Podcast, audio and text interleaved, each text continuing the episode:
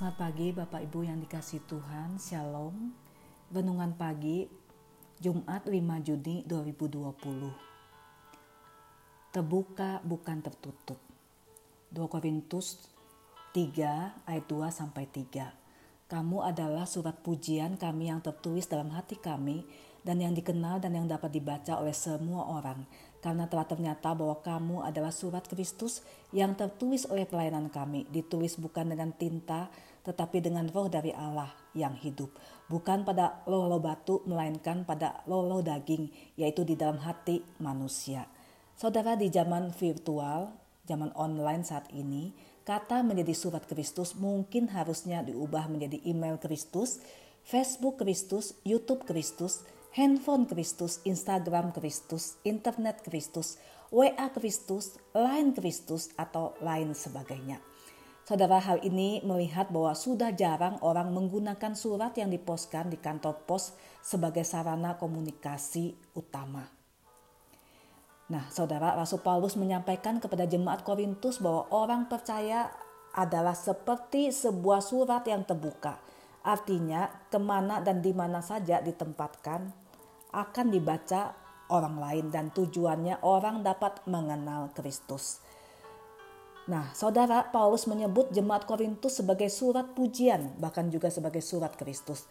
Tentu didasari oleh perjumpaan dan pengenalannya lebih lanjut kepada para pribadi dari anggota jemaat tersebut. Padahal kita tahu bahwa jemaat Korintus pernah punya banyak persoalan dan kasus, yaitu misalnya mereka berselisih, ada yang pro Apolos dan ada yang pro Paulus. Ada percabulan, ada orang-orang yang memegahkan karunia roh tertentu, bahkan beberapa orang yang ada meragukan kebangkitan Kristus. Tetapi bagaimana mungkin di 2 Korintus 3 ini Rasul Paulus menyebutkan mereka sebagai surat pujian dan surat Paulus, tentu pujian Rasul Paulus tersebut bukan sekedar ingin menyenangkan hati jemaat Korintus, tetapi karena dia melihat perubahan hidup yang terjadi di jemaat Korintus. Memang mereka pernah berdosa dan jatuh dalam berbagai permasalahan, tetapi tidak berarti jemaat Korintus tidak bisa berubah. Kuasa Injil Kristus telah mengubah mereka.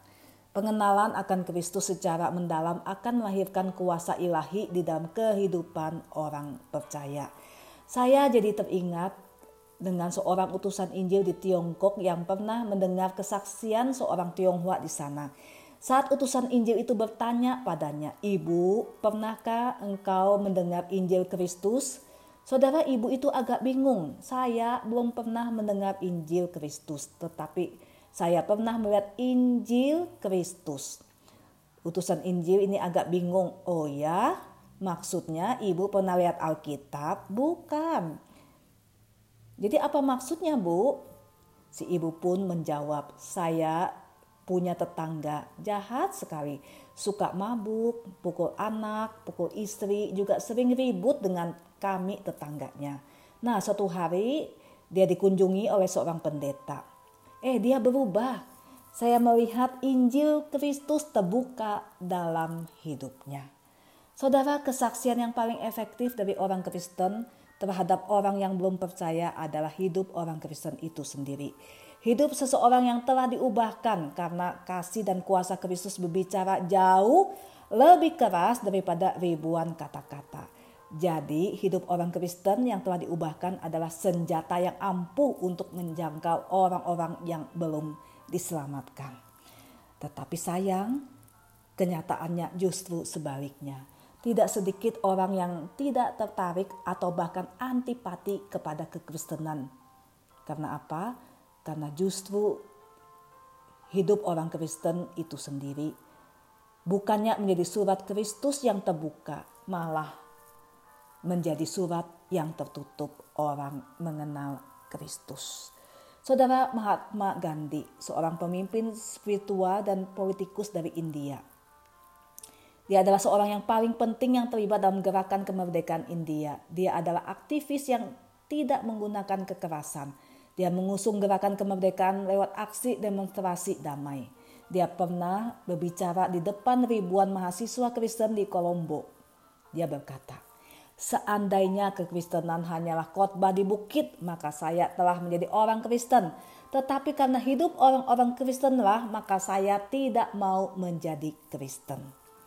Saudara, pengalaman yang menyakitkan dialami oleh Gandhi ketika dia ditolak untuk masuk ke dalam gereja oleh orang-orang yang menjadi asyir pada saat itu orang-orang kulit putih dengan alasan kulitnya tidak berwarna sama dengan mereka.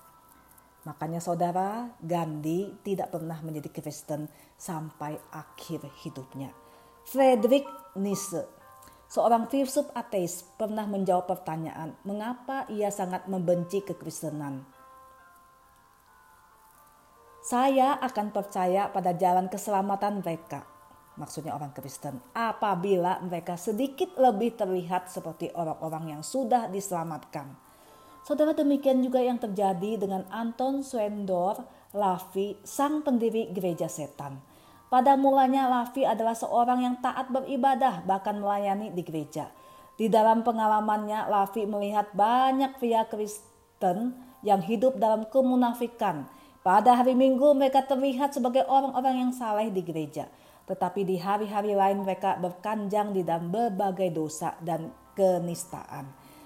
Pengalaman itu mendorong Lavi untuk mendirikan gereja, yaitu gereja setan di mana para anggotanya bebas mengumbar nafsu tanpa dibungkus kemunafikan.